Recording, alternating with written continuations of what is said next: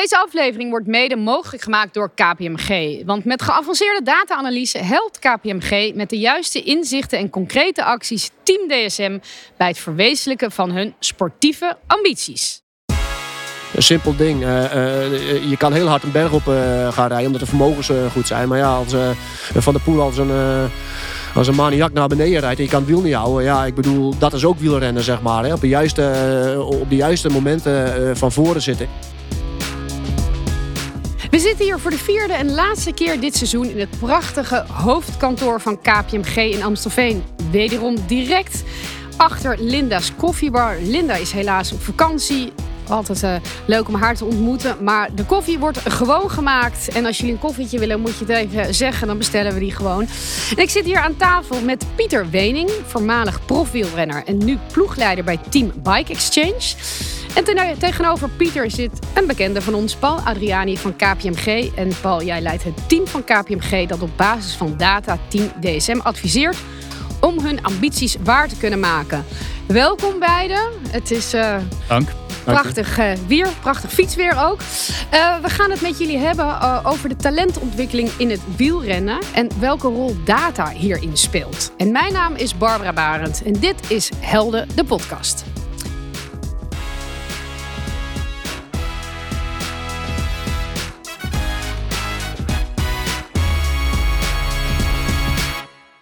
Pieter, welkom. Um, je bent op dit moment eh, even thuis. Klopt. Wat voor een wielrenner en ploegleider niet heel vaak uh, gebeurt volgens mij. Uh, nou, uh, het, is, het is zo. Uh, eigenlijk is er een heel, heel druk programma. Is het voor de tour geweest altijd. Ehm, hele voorbereidingen richting de tour. daar, daar zet je in principe dan je, je beste ploeg zo'n beetje neer. en de rest van, van het team gaat dan een beetje een rust trainingsfase in, zeg maar. om zich voor te bereiden op het laatste deel van het seizoen. Dus dat is wel vrij normaal als je als ploegleider zijnde niet in de tour bent. Dat je dan in deze periode thuis bent, zeg maar. Ja, en je bent ploegleider ook van Dylan Groenewegen onder, ja, onder andere. Hoe heb je naar hem gekeken tot nu toe? Ja, geweldig. geweldig. Uh, hij begon het seizoen uh, heel goed in, uh, in de Saudi Tour. daarna was het de hele tijd een beetje zoeken, zeg maar. Ehm, vooral positionering, wat, wat, wat, wat dan wel eens een keer fout ging. Maar zijn conditie is wel het hele jaar gewoon echt goed geweest. dat, dat zagen we ook aan zijn nummers. Ehm maar ja, dat het er nu allemaal gewoon uh, wel uitkomt, zeg maar, richting de Tour. Dat hij, uh, dat hij Dauphiné heeft gereden. Dat je gewoon zag dat hij gewoon ook goede klimmetjes overkwam. Dat hij dan niet aan sprinten toe kwam. Maar dat, dat je wel gewoon zag dat hij daardoor wel meer koershardheid kreeg. En, uh, ja, en dat heeft hem natuurlijk nou wel geholpen. En dat, dat gaat hem ook door de Tour helpen, denk ik. Ja. En, en we gaan het hier heel veel voor data hebben. Kon je dat ook al in de data zien die jullie gebruiken? Dat die zo sterk was? Ja, zeker. Uh, wat, wat, wat hij uh, in zijn sprints reed, dat, dat was niet, uh, niet minder in dan in zijn topjaren bij Jumbo-Visma, zeg maar. Dus, dus hij rijdt gewoon dezelfde, dezelfde vermogens. En ja, dus daar weet je gewoon dat, dat, dat, dat dat gewoon kan, zeg maar. En je weet, maar je, als je die sprints nou ziet, het, is, het is gewoon, positionering is zo belangrijk. als je vijf seconden te vroeg moet aangaan of je zit ingesloten, ja, dan, dan, dan ben je gewoon klaar. Ja, dat is, dus dat is, alles telt gewoon mee. En ja, dan kan je de vermogens wel rijden, maar, uh, maar je moet op de juiste plaats zitten. Paul, ik zie je heftig meeknikken. Ja, wij hebben daar ook uh, onderzoek naar gedaan, zeg maar op de kilometer 10, kilometer 5, kilometer 3, kilometer 1. Van met hoeveel uh, helpers je dan moet zitten en op welke positie van de eerste rij af ongeveer. Op basis van 200 ritten hebben we dat helemaal in kaart gebracht. Ja, dan krijg je een soort optimaal resultaat wat je als advies kan meenemen. Dat, uh... Ja, dat is inderdaad wel. Uh, ja, en, en, en dan is natuurlijk het, uh, het praktische deel daarvan is natuurlijk. je zit in een peloton met 180 renners. en die willen natuurlijk allemaal datzelfde doen. En dat is natuurlijk heel lastig om, om dat voor elkaar te krijgen. als je de laatste kilometer bijvoorbeeld op een bocht afkomt. Ja, dan kan zo'n hele treintje kan gewoon compleet verstoord zijn, zeg maar. En dat je dan helemaal uit dat je dan helemaal in onbalans bent. En dan moet je ja, eigenlijk op je, op je beste helpers op dat moment kunnen vertrouwen. Zeg maar, dat die jou nog weer in positie brengen. Zodat je zelf niet met je neus in de wind komt. Jij zit nu dus in de auto als ploegleider. Uh, ik heb even gekeken naar jouw wielercarrière. Een enorme lijst. Ik sprak net ook nog even met onze hoofdredacteur van Helden Magazine, Jasper Box. En die zei, nou, hij heeft volgens mij met iedereen en tegen iedereen gereden die er maar is. 20 jaar actief geweest. Uh, je hebt tot je stopt in 2020 16 grote rondes gereden. Twee etappes gewonnen in de Giro. Vijf dagen in de roze leiderstrui van de Giro gereden. Rondes van Polen en Noorwegen gewonnen. Nou ja, wat ik al zei, alle grote namen mee en tegen gekoerst. Uh, en een etappe in de Tour de France gewonnen.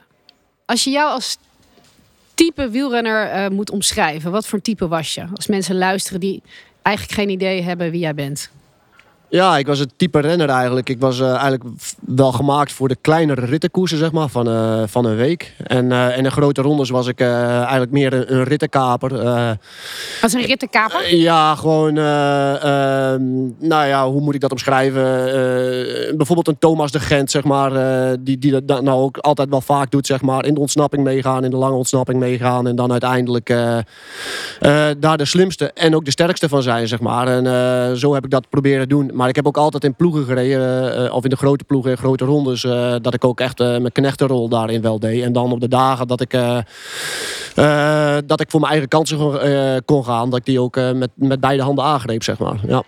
We gaan het vandaag hebben over opleiden, gebruik van data erbij. En nou, dat jullie er ook voor kiezen om de Vuelta te gebruiken, hè, om, om, om jongens in opleiding, zeg maar, aan een grote koers te laten wennen bij uh, Team DSM.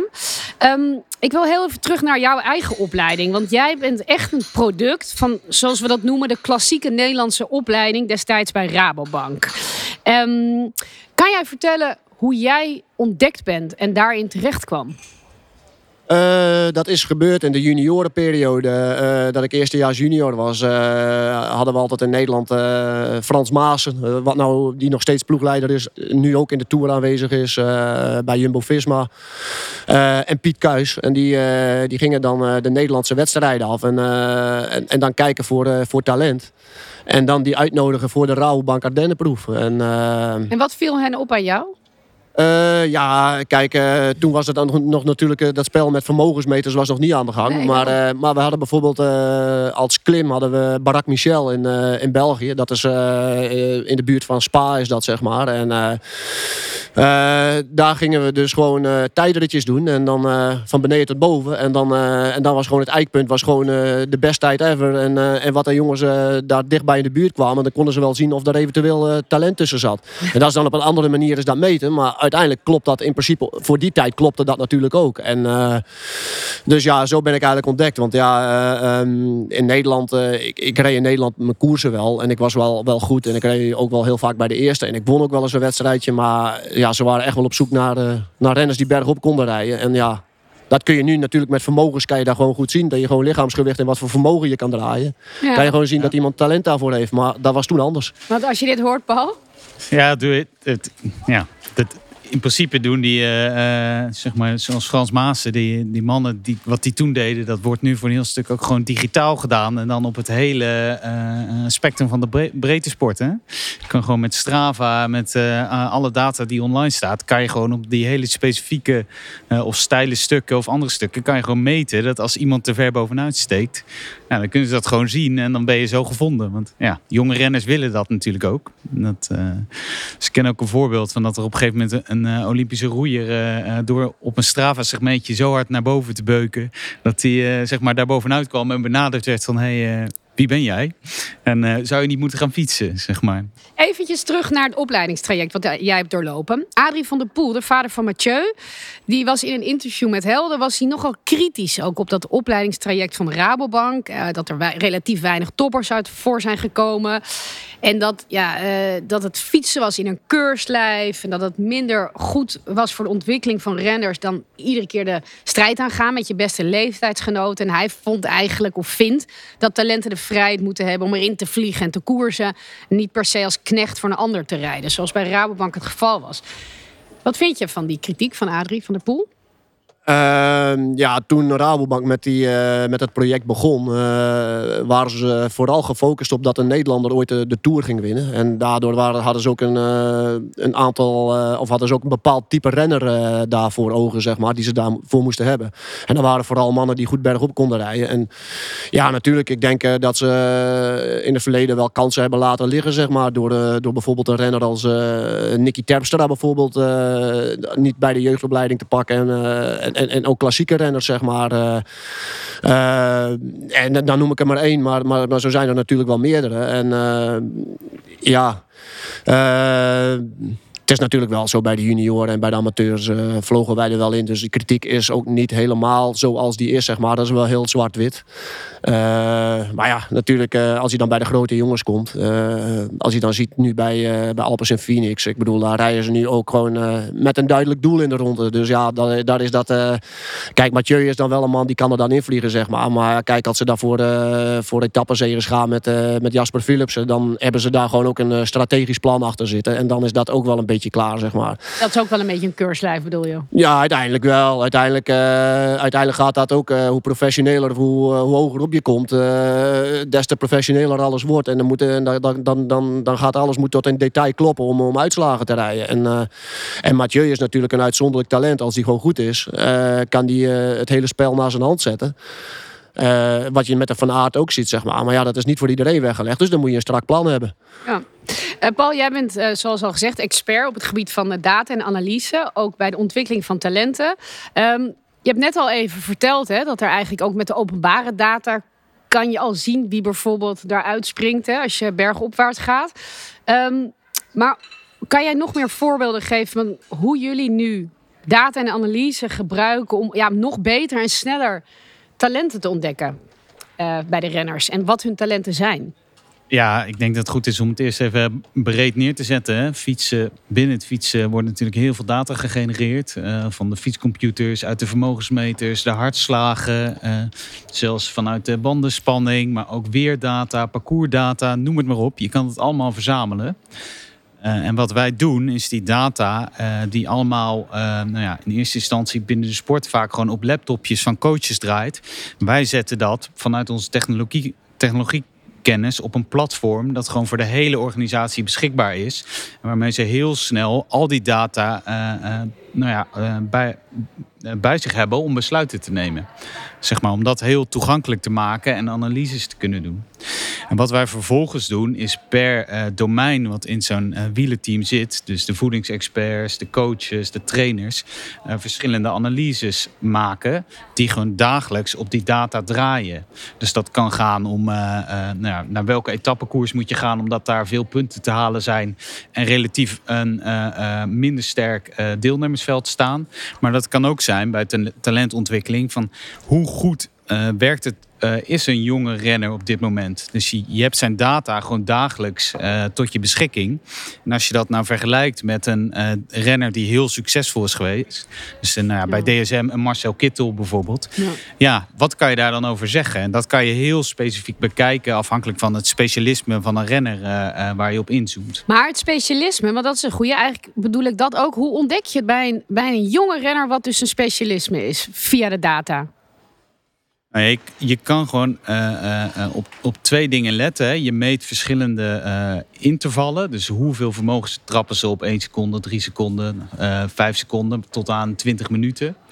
En je kan ook dan vergelijken van, vanuit die waarde van als dat nu al zoveel is, hoe deed een renner dat die later heel succesvol geworden is? En waar was die dan goed in? En Ja, dan, en waar was die dan goed in? En was dat dan een sprinter of een tijdrijder? En dan kan je Ja. dus al heel vroeg gericht gaan trainen. Ja, mooi. Nou, Pieter, ik heb net al even eh, geschetst hoe lang jij al eh, in het wielrennen eh, rondloopt. Hoe heb jij het gebruik van data zien veranderen om talenten te ontdekken en te ontwikkelen? Nou ja, toen ik zelf renner was in het begin, was het gewoon puur en alleen hartslag. En nou ja, trainers waren er wel, maar er werd gewoon minder, ja, minder mee gedaan, zeg maar.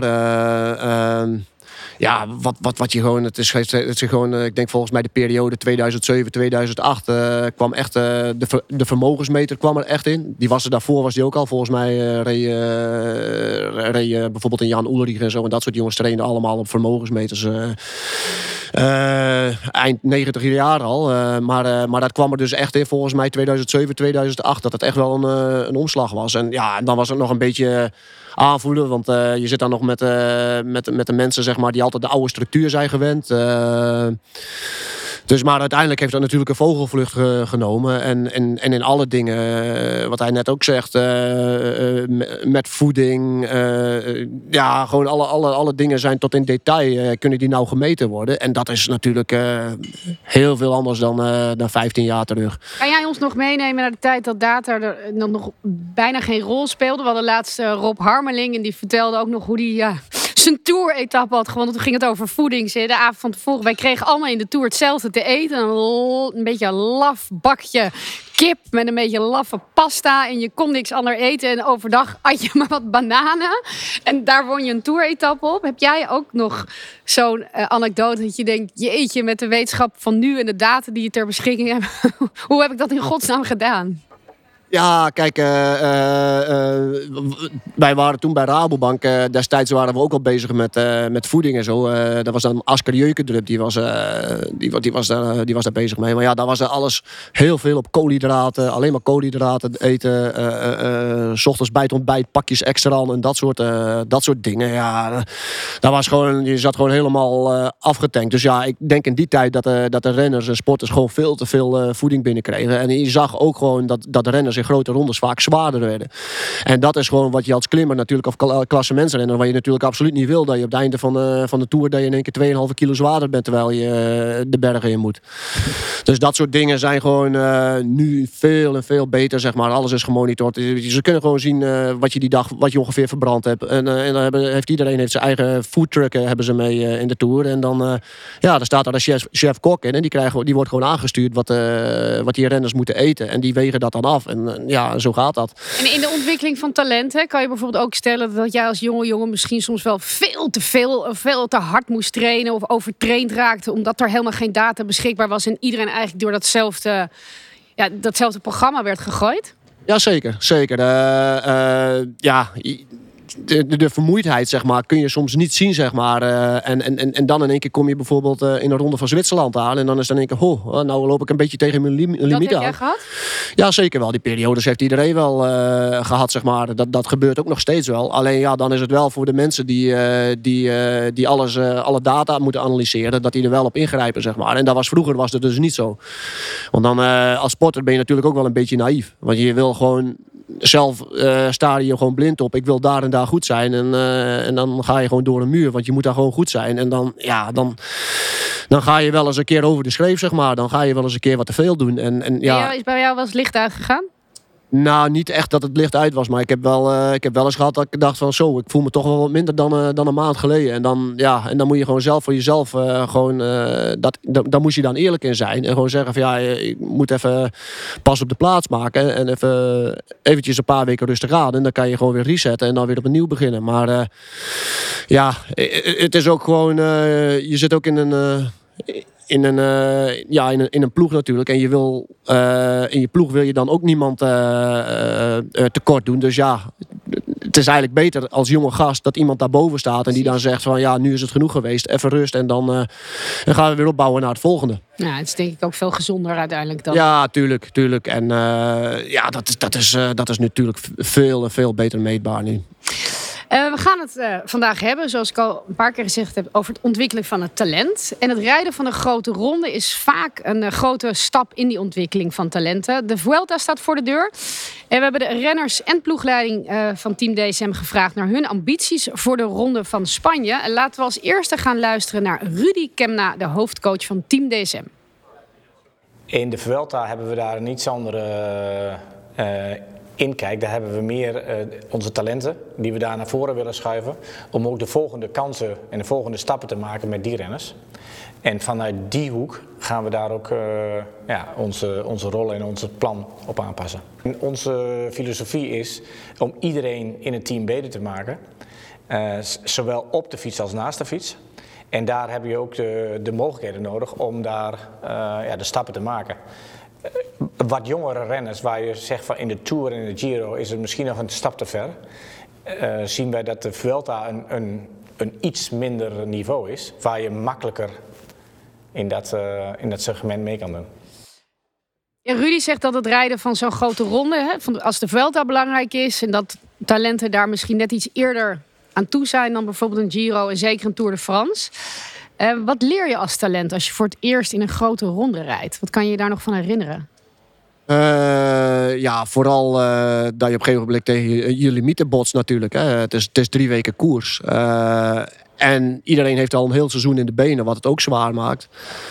Uh, maar wat leer je vooral is gewoon ja, hoe je moet leren doseren, zeg maar. En, je leert bijvoorbeeld ook uh, hoe je lichaam reageert na... Uh, iedereen heeft wel eens een keer een etappekoers van acht dagen gereden. Maar 21 dagen is toch iets anders. En, en dat is ook gewoon maar de vraag. Hè. En dat is ook natuurlijk, als het weer op data aankomen, dat, waar komt, dan, dan kun je gewoon ook zien wat een, hoe, hoe de vermoeidheid zich opstapelt bij, bij, die, bij die gasten. En, en, en dat kun je gewoon ook zien, dat kun je zien dat het gewoon ook echt een ronde renner wordt voor drie weken. Hoe bedoel je? Dat, dat je ja, dat, kan zien? Ja, zeker. Kijken, je kan gewoon wel zien dat iemand uh, gewoon uh, bijvoorbeeld in week drie dezelfde vermogens ongeveer trapt als in week één. Dat, het gewoon een, dat hij gewoon ideaal geschikt is voor, de, voor drie weken. En heel vaak zie je gewoon dat, dat de renners gewoon na dag vijf, zes, dat het gewoon ietsjes minder wordt. Of soms na tien dagen. En ja, als je een, een, een Tour of een Vuelta of een Giro wil winnen, ja, dan moet je gewoon heel constant zijn. Ja. ja, ik denk dat je in de afgelopen tour daar ook mooie voorbeelden eh, twee kanten op van zag. Je zag aan de ene kant eh, Bob Jungels een etappe winnen. En dan zag je hem daarna ook gewoon heel duidelijk zeggen van... Uh, ik wist zeker dat ik met dit vermogen, als ik dat bleef trappen, dat ik niet stuk zou kunnen gaan. Omdat ik dat gewoon kan. en dat geeft natuurlijk een enorm vertrouwen. En hij wint dan die etappe. Aan de andere kant zag je het, het tactische steekspel. Waarbij Pogacar op een gegeven moment de hele tijd gedwongen werd om te reageren op Jumbo-Visma. Ja, dan wordt hij wel gewoon, dan moet hij over zijn limiet heen. En ja, dan... Uh, uh, ja, dan dwing je hem eigenlijk gewoon om kapot te gaan. En om uiteindelijk dan op dat moment de gele trui in te leveren. Welke, ehm, wat was jouw grote eerste, eerste grote ronde? Uh, Vuelta. Vuelta ook. 2004. Ja, en wat kan je daarvan herinneren? Goh, uh, heel, heel warm. Uh, ja, en, en ik, ook al best wel wel een seizoen in de benen. Maar ja, dat is het voordeel van de Vuelta. Uh, voor jongens die een eerste grote ronde rijden. is de Vuelta afgelopen, dan, ja, dan is bijna einde seizoen. Dus ja, weet je, als je een Giro als eerste grote ronde rijdt en, uh, en, en, en, daar kom je uit en je bent gewoon helemaal op. Ja, dan, dan heb je nog uh, een half seizoen voor de boeg. En dat is met Vuelta is dat natuurlijk ideaal.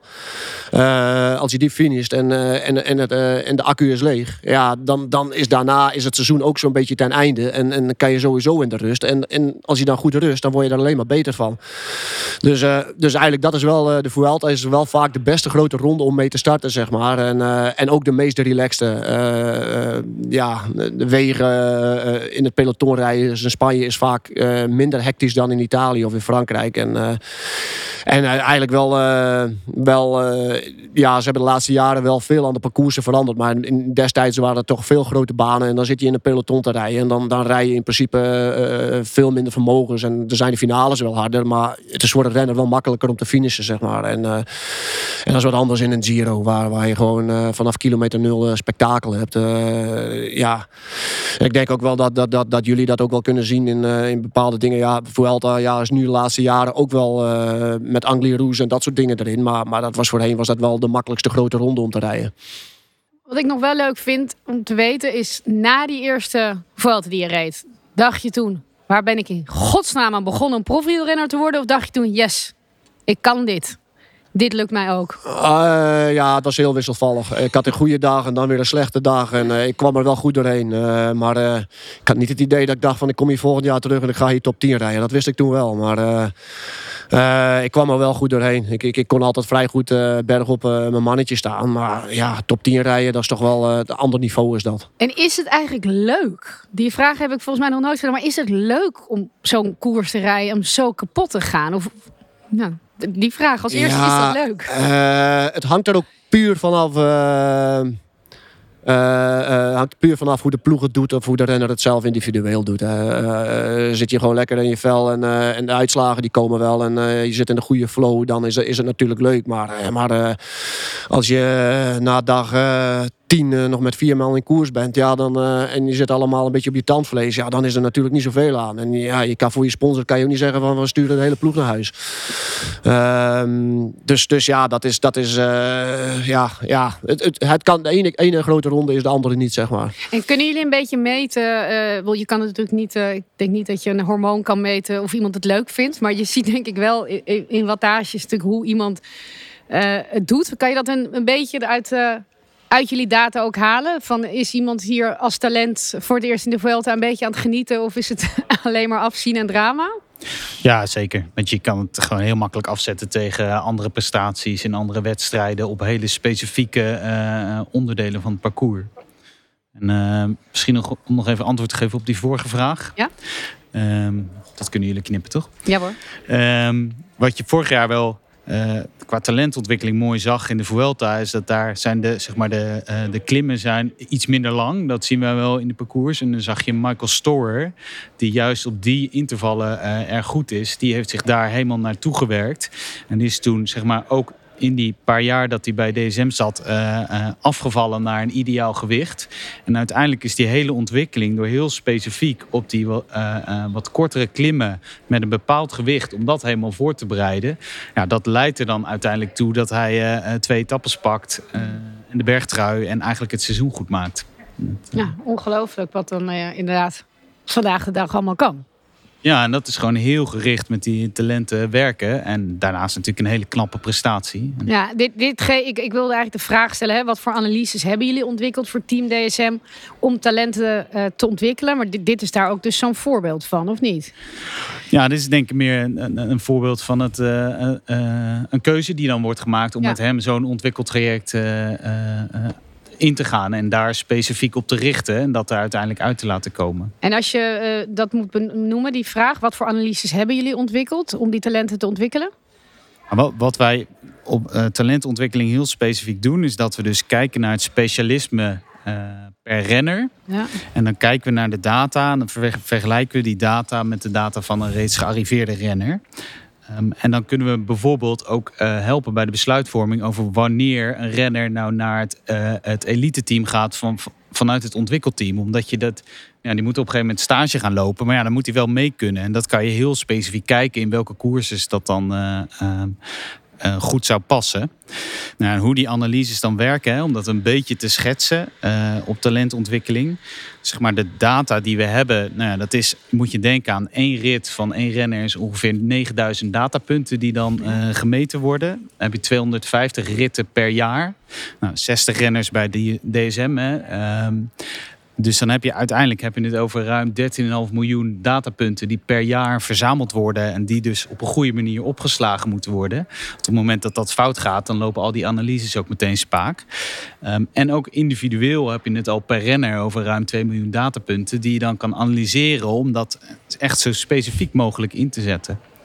Ehm, en hoe we dat dan doen is, zeg maar, de analyses die worden uiteindelijk door de, eh, nou ja, de trainers en de coaches in dit geval eh, bekeken. Hè, van wat is daar nou de output op? Maar een van de dingen die wij dan bijvoorbeeld doen is een bewegingswetenschapper helpen om zeg maar, de voorspelling van hoe goed zo'n renner gaat worden. eh, eh, om met behulp van eh, artificial intelligence die net een paar procent beter te maken. Dus we gebruiken dan een, een random forest tree algoritme heet dat. En daarmee zeg je dus van nou op dit interval op basis van deze data eh, eh, is het meest logisch dat je ongeveer hier terecht komt over een eh, volgend jaar. En dat, ja, die verbetering vanuit de technologie, dat kan echt wel een verschil maken voor die keuzes die gemaakt moeten worden. Mooi, echt wel ongelooflijk. Toch? Als je dit hoort, had je dan, denk je wel had ik maar, was ik maar talent geweest in deze tijd? Nou ja, het is, eh, elke periode heeft zijn eigen, zijn eigen dingen natuurlijk. Hè. Eh, toen in die periode dat ik beroepsrenner eh, werd, eh, streed ook iedereen met dezelfde middelen, zeg maar. En dat is nu ongeveer nog zo. Dit is wel, dit is wel heel vooruitstrevend natuurlijk, wat hier gebeurt. De meeste ploegen hebben gewoon allemaal head performance coaches. En die zijn er ook allemaal wel mee bezig. Maar ja, het is natuurlijk wel gewoon dat er een, een partij boven staat die dat nog eens een keer analyseert. Dat is natuurlijk heel, eh, eh, heel mooi meegenomen. Ehm, ja, en het, is inderdaad, het is, uh, als je dat soort dingen zegt uh, met iemand die overhevelt van het development team naar, naar, de, naar de grote jongens, zeg maar, dat je dat gewoon allemaal kan meten en dat je gewoon ook zeker weet dat hij er klaar voor is. Dat is natuurlijk gewoon wel een, een echt pluspunt. Ja, dat, dat is dus hoe het, zeg maar het voorspelmodel werkt. En nou ja, wat daar dan bijvoorbeeld uitkomt, is dat je, als je kijkt naar Tijmen Arendsman, wordt een beetje gezien als de meest um, talentvolle rondrenner die DSM heeft. En hij gaat nu helaas overstappen. Nou, als je die vergelijkt bijvoorbeeld met een Dumoulin, dan zie je dat ze ongeveer hetzelfde uh, gewicht hebben. Nou, dan kan je gewoon heel precies zien van hoe goed was Dumoulin op 22-jarige leeftijd op bepaalde intervallen die daarmee te maken hebben. Dus dat zijn dan de wat langere intervallen. Nou, dan zie je dat Arendsman gewoon dat uh, op de langere intervallen uh, zelfs iets beter is. En op de kortere iets minder goed. Dat uh, Tom de Moulin dus iets explosiever was op 22-jarige leeftijd. Dus daar kan je echt hele specifieke inzichten uithalen. Ja, mooi. Heel mooi. En, en hoe gebruik je dit soort inzichten bijvoorbeeld ook in, ja, in, in, om Team DSM te adviseren op weg naar de Vuelta? Nou, een, een, van de dingen die we uh, ook hebben ontwikkeld is dat in de uh, Vuelta zit weer een ploegentijdrit. De ploegentijdrit is een, uh, voor data scientisten een heel interessant evenement, want het is behoorlijk gestructureerd. Je hebt gewoon een aantal renners die uh, ons de beurt op kop gaan rijden. Je hebt een klein parcours. Dat kan je helemaal uh, uitplannen. Een optimaal plan voor maken op basis van de windtunneltesten. en dan kan je dus uitrekenen van hoe lang moet iedere renner nou op kop rijden. Uh, om zeg maar optimaal de batterij van dat hele team leeg te halen qua energie. En je kan ook gewoon goed meten dat dat heel vaak niet lukt. Omdat ze of te langzaam gaan of te lang op kop blijven en dan eruit vliegen. Dus dan heb je niet het hele team. Ja, dan wordt je batterij kleiner. Dat is ook suboptimaal. Dus in die zin is dat een heel uh, uh, interessant evenement. En wat wij hebben gedaan is wij hebben op het platform een, een, stuk technologie of een module toegevoegd. Waarmee je tijdens trainingen gewoon live de, de, de eh, snelheid en de vermogens uit de fietscomputers, zeg maar via de cloud naar de auto die erachter rijdt kan halen. Dat ze gewoon precies kunnen zien van nou deze renner moet nu 18 seconden op kop, deze snelheid en dan moet hij overgeven. en dan kunnen ze dus ook zien als een renner te lang op kop blijft of te kort. Uh, en dan kunnen ze daar dus op coachen. En dat coachen is natuurlijk cruciaal. Hè? Het is niet dat hij dan direct in zijn oortje krijgt van uh, burp, burp, je moet uh, van kop af. dat moet wel door een mens, door een coach altijd geïnterpreteerd worden. maar juist in die ploegentijdrit bleek en hoorde van Team DSM dat heel vaak het heel moeilijk is voor een renner om dat goed in te schatten. Omdat je ook heel graag een bijdrage wil geven, vooral leveren aan het begin. Van hoe lang, hoeveel kan ik op kop blijven en wat is daar optimaal in? Dat... Dus, nou, dat is een hele leuke technologie om dan uh, uh, ook richting zo'n Vuelta-etappe uh, aan bij te dragen. maar laten we even gaan kijken. We hebben het al een paar keer over gehad. Hè, wat voor type renner ben je nou? En wat haal je daaruit? wat haal je uit de data om te zien wat voor type renner je bent? Niels Eekhoff zegt daar wat over. Ja, hoe je erachter komt, ja, wat voor type renner je bent. Ik denk toch dat het een beetje gaandeweg gebeurt.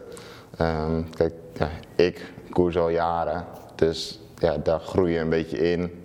Um, het is een beetje ook waar je interesse ligt, maar ook, ja, ook een beetje genetisch bepaald wat, wat, wat je lengte, je gewicht, uh, gewoon je lichaamsbouw is.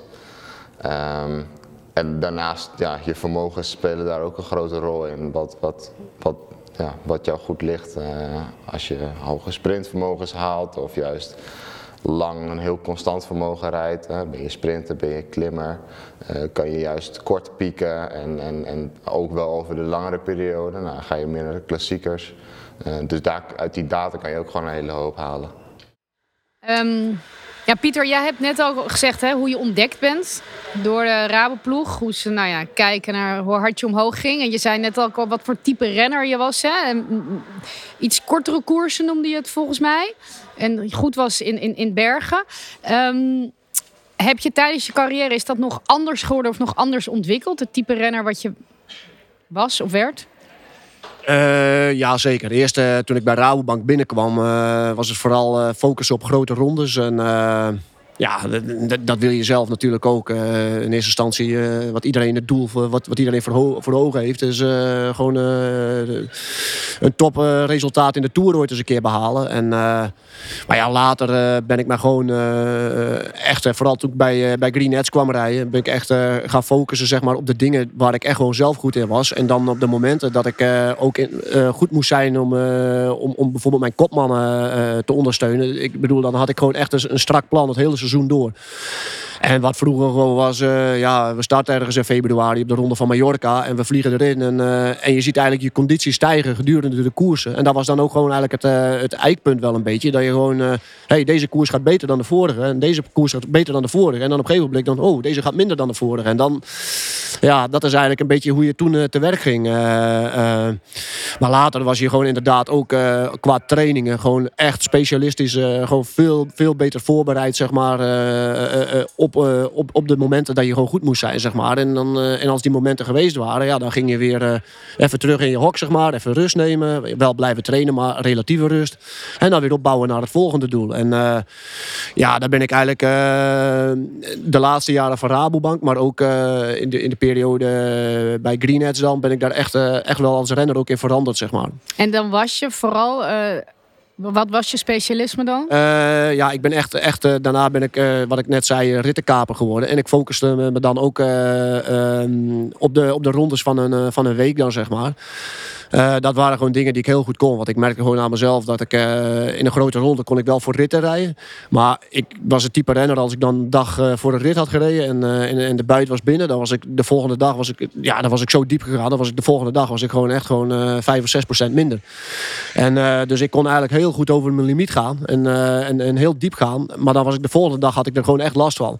En daar kon ik dan wel een beetje verbloemen, zeg maar, in een, in een rittenkoers van een week. Maar in een grote ronde ga je dan val ik kan door het ijs een keer. Ja.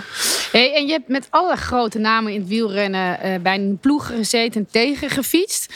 Wie vond jij eigenlijk altijd het grootste talent waarmee je hebt gereden? En dat hoeft niet per se iemand te zijn waar we nog heel veel van hebben gehoord. Of waar je tegen of mee hebt gereden.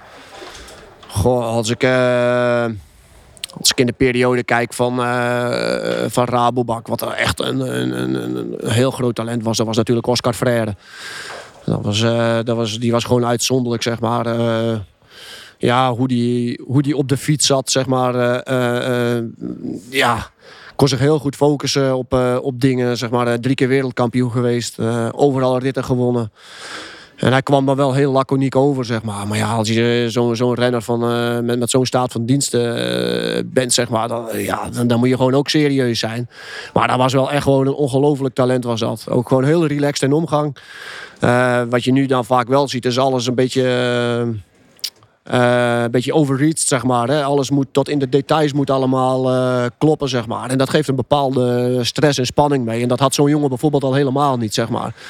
Die, uh, die was gewoon, dat was gewoon een puur talent, was dat. Die wist gewoon, ja, die stond voor de spiegel. Ik, ben, ik moet iets afvallen. Ja, dan, dan viel die gewoon een paar honderd gram af, van. En, en, maar die, die, die, was gewoon, die kon dat zelf heel goed inschatten. En dat is ook talent, zeg maar. En nou ja, later heb ik natuurlijk heel veel talenten nog gezien.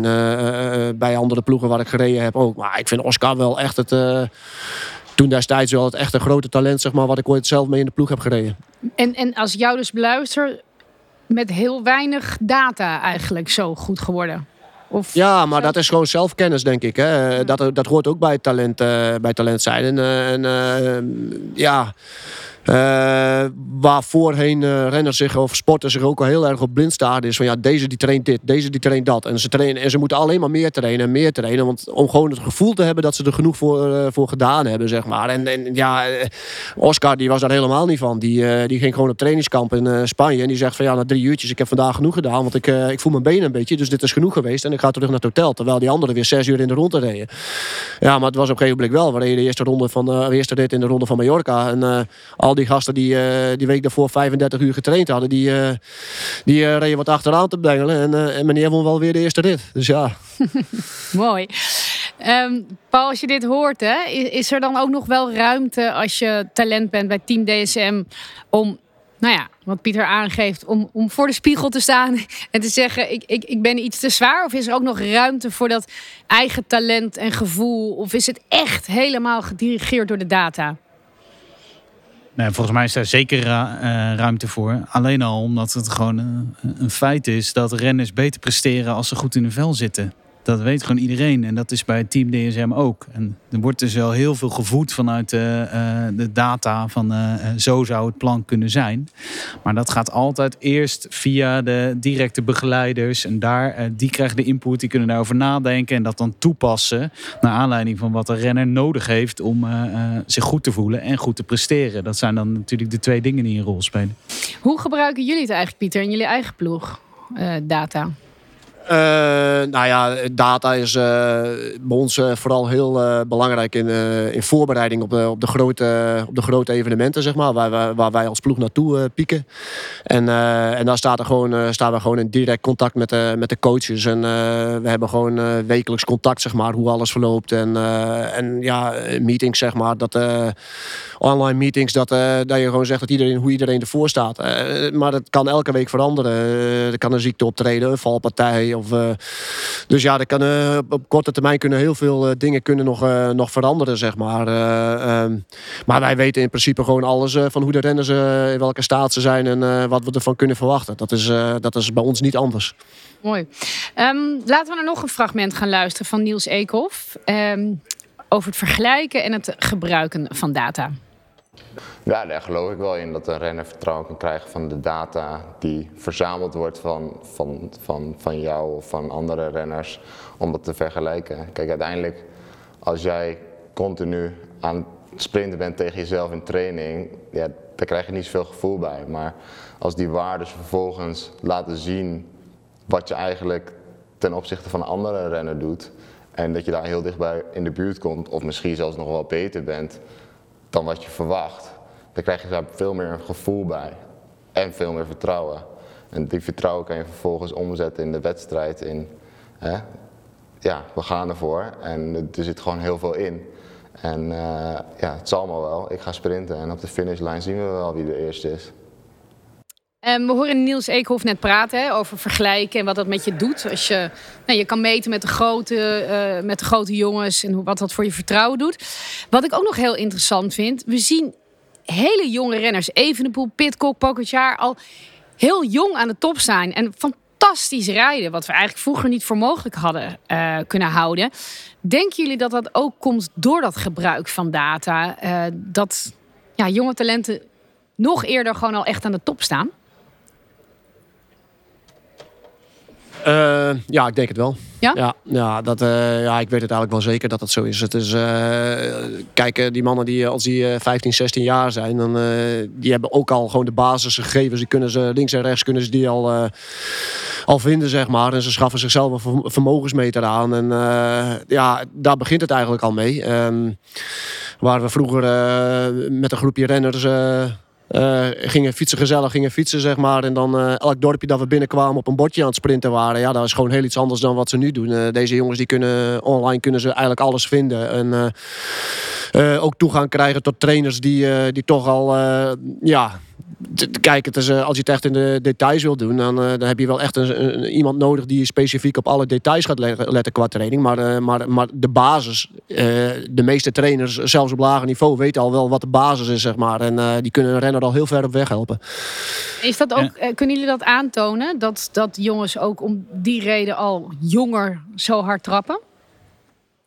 Ja, dat komt toch door eh, zeg maar, eh, het, juiste specialisme te identificeren op jonge leeftijd en daarop te trainen. En, nou, de voorbeelden van eh, Kees Bol, maar ook Marcel Kittel vroeger, hè, dat, ja, die trainden gewoon als tijdrijders. En als je dan ziet dat ze eh, eigenlijk geschikter zijn om te sprinten en je weet dat al heel vroeg eh, in kaart te brengen op basis van de data, ja, dan eh, is het natuurlijk een, drastische draai in je carrière en, je en in je trainingsmethode eh, van waar je dan op gaat richten, die uiteindelijk tot eh, grote successen kan leiden. Denk je dat het ook vervelend kan zijn? Dat jij dan al zo jong misschien in, in iets geduwd wordt, terwijl je denkt, laat maar gewoon lekker wielrennen, want ik vind misschien iets wel veel leuker wat niet mijn specialisme is. Uh, ja, dat, uh, kijk, uh, elk persoon is gewoon, gewoon anders natuurlijk. Hè. Het werkt, bij sommige mensen zou dat natuurlijk gewoon, laten we zeggen, de control freaks die, die houden van, van, die, van die aanpak. Maar er zijn ook jongens bij die natuurlijk liever een beetje wat, wat meer vrijheid hebben, zeg maar, in een doen en laten. En ja, het is, en dat is ook taak van de coaches om uit te vinden hoe rendeert iemand het beste, zeg maar. als je renners ziet bijvoorbeeld als een. Nou, ja, eh, een Pogacar, een Van Aert, een, Van der Poel. Daar hebben we het echt over toppers. Maar dat zijn gewoon... Uh, in de, hele, in de hele breedte zijn dat gewoon echt wielrenners, zeg maar. Hè. Dat zijn gewoon die, die, die, die, die die doen hun trainingen op en top. Maar dat zijn ook jongens die kunnen koersen, zeg maar. Hè? Die, die, die, die, uh, die, het, uh, die het inzicht hebben op de momenten dat ze moeten gaan. Uh, wat ook niet heel onbelangrijk is. En er, zijn, en er, zijn, er komen ook heel veel jongens bovendrijven, zeg maar. Die wel de vermogens kunnen rijden. En, en als je ze onderaan de, de voet van een berg afzet, dan, dan rijden ze hun vermogens en dan rijden ze hun uitslag. Maar dat is wel een ander type wielrenner, zeg maar. En, uh, en, en zulke jongens als een Van der Poel en, en ik denk een Pogacar ook.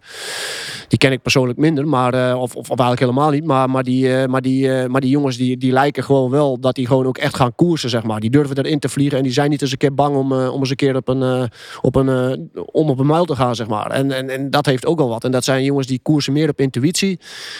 Maar die hebben gewoon de mix van beide, zeg maar. Die hebben gewoon ook de data achter de hand. En, en, dat is gewoon anders. Ik bedoel, ja, uh, um, een simpel ding. Uh, uh, je kan heel hard een berg op gaan rijden, omdat de vermogens goed zijn. Maar ja, als Van der Poel als een, als een maniak naar beneden rijdt en je kan het wiel niet houden. Ja, ik bedoel, dat is ook wielrennen, zeg maar. Hè. Op, de juiste, op de juiste momenten van voren zitten in de Belgische klassiekers. Ehm, ja, daar kun je met data kan je wel wat mee. Maar als je onder de oude Kwaremond, uh, aan de voet van de oude Kwaremond, op positie 180 zit, dan gaat diegene die bij de eerste 10 opdraait, die, die trapt 100 watt minder, zeg maar. Die gaat nog wel eerder boven zijn dan die gast die uh, op 180ste positie opdraait, zeg maar. En dat, zijn allemaal van die dingen. Uh, koersen is data, maar je moet een goede mix overal in kunnen vinden, zeg maar. En dat is, ja, dus het, het, is, als een goede wielrenner wilt zijn, dan moet je nog steeds het beide, beide, beide dingen moet je dan nog hebben, zeg maar. Ik, ik denk dat Eekhoff ook eh, zelf een mooi voorbeeld daarvan is. Hè? Dat hij aan de ene kant, als je hem eh, vanuit de data bijvoorbeeld vergelijkt met Sinkeldam, dan is hij gewoon uh, om als lead-out te fungeren, wat Sinkeldam ook was in de Tour, is hij daar gewoon heel geschikt voor. Dan is hij zeg maar net kan hij het net iets langer volhouden, maar is hij ook op de hele korte stukjes iets langzamer. Maar ja, als lead-out moet je natuurlijk ook enorm goed kunnen sturen en heel veel lef hebben om op dat moment die dingen te kunnen.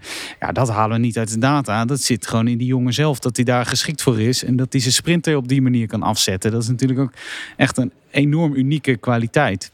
Nou, die combinatie zorgt dat, uh, dat je uiteindelijk aan de top komt, volgens mij. Ja, en um, we kunnen het ook nog eens omdraaien, denk ik. Dat door alle data en door het vergelijken. Aan de ene kant kan het positief zijn, want je weet hoe goed je bent. En als je dan ook nog nou ja, kan koersen en erin durft te gaan, zoals je zegt, je noemt steeds Mathieu ook Van de Poel als voorbeeld. Maar kan het ook omdraaien dat juist diegene die eigenlijk, waar je in de data afleest dat ze top zijn, dat ze eigenlijk zouden moeten winnen, hè, dat ze de beste waardes rijden, dat het zoveel druk met zich meebrengt dat ze op het moment suprem ja, bevriezen? Ja, dat zou kunnen. Dat zou kunnen. Uh, maar ja, ook dat is weer. Uh, uh, onderdeel van het talent zijn, zeg maar. Je moet uh, stressbestendig zijn uh, als je een grote ronde van drie weken wil winnen, bijvoorbeeld. Of een etappekoers van het kaliber ronde van Zwitserland, Dauphiné.